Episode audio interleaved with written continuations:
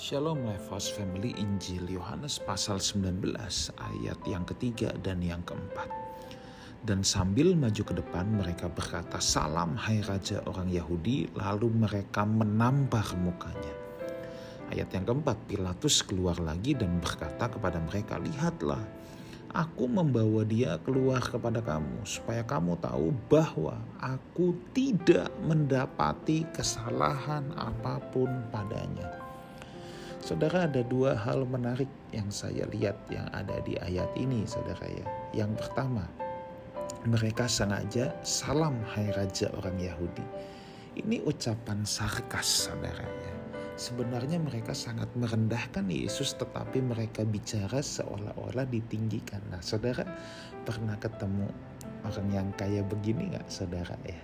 Misalnya dia sebel atau menganggap uh, seseorang bodoh tapi dia samperin dengan kata-kata hey kamu pintar sekali ya IQ kamu tinggi sekali ya padahal dia ingin merendahkan. Nah lihat itu dikonfirmasi oleh tindakan setelahnya lalu mereka menampar mukanya. Nah saudaraku sering kali kita juga berbuat seperti ini ya seperti prajurit-prajurit ini kita sering kali suka sengaja ya mungkin dalam keadaan kesel atau gimana kita angkat orang tinggi lalu kita banting. Sebab kalau sudah di bawah dibanting tidak terasa. Tapi kalau diangkat tinggi dulu dibanting pasti lebih terasa. Tetapi apakah itu yang Tuhan inginkan saudara ya? Bukankah firman Tuhan berkata bahwa apa pun yang kamu ingin orang perbuat kepadamu, lakukanlah itu. Tetapi lebih menarik lagi di ayat yang keempat. Ketika saya baca ini saya merenung-renungkan, wow luar biasa sekali ayat ini. Di mana letak luar biasa ayat yang keempat?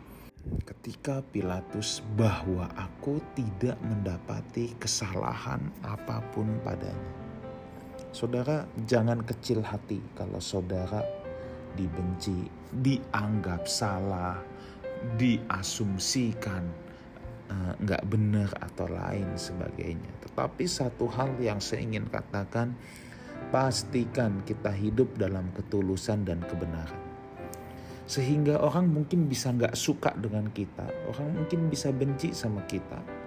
Tetapi orang harus punya kesaksian begini, aku tidak mendapati kesalahan apa pun padanya. Ini orang yang nggak suka sama kita itu bisa makin dongkol loh saudara ya ketika dia tidak suka, mungkin karena iri hati, saudara ya.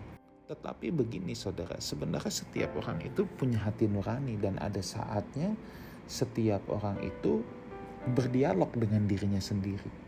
Nah, jadi kalau bayangkan orang yang nggak suka sama saudara, tapi kalau dia lagi sendiri gitu ya, lagi berdialog dengan dirinya sendiri, dan dia bisa berkata kalau mau jujur, dia nggak ada salah deh sama aku tapi kenapa ya aku nggak suka sama dia? Wah itu luar biasa saudara. Itu luar biasa. Dan sebaliknya saudara. Jangan sampai saudara nggak suka sama orang tapi kalau saudara mau jujur dia nggak ada salah loh sama aku. Aku nggak suka aja. Nah saudara kita harus hati-hati akan hal ini saudara ya. Tetapi sekarang gini deh. Kita tidak bisa mengatur persepsi orang kepada kita tapi kita bisa atur diri kita sendiri ya yang pertama, pastikan kita hidup dalam kebenaran dan ketulusan. Yang kedua, jangan sampai kita tidak menyukai orang, padahal kita tidak mendapati kesalahannya apa pun, saudara. Ya, itu yang disebut dengan sentimen. Ada orang yang oversensitif sehingga sering kali jadi sentimen sama orang lain. Ya.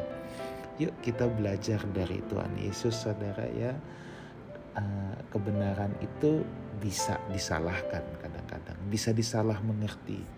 Tapi kebenaran saya percaya tetap akan muncul, akan terbit seperti fajar di pagi hari pada waktunya. Pastikan bahwa kita tidak didapati bersalah kepada orang lain. Dan Yesus menyertai kita semua. Amin.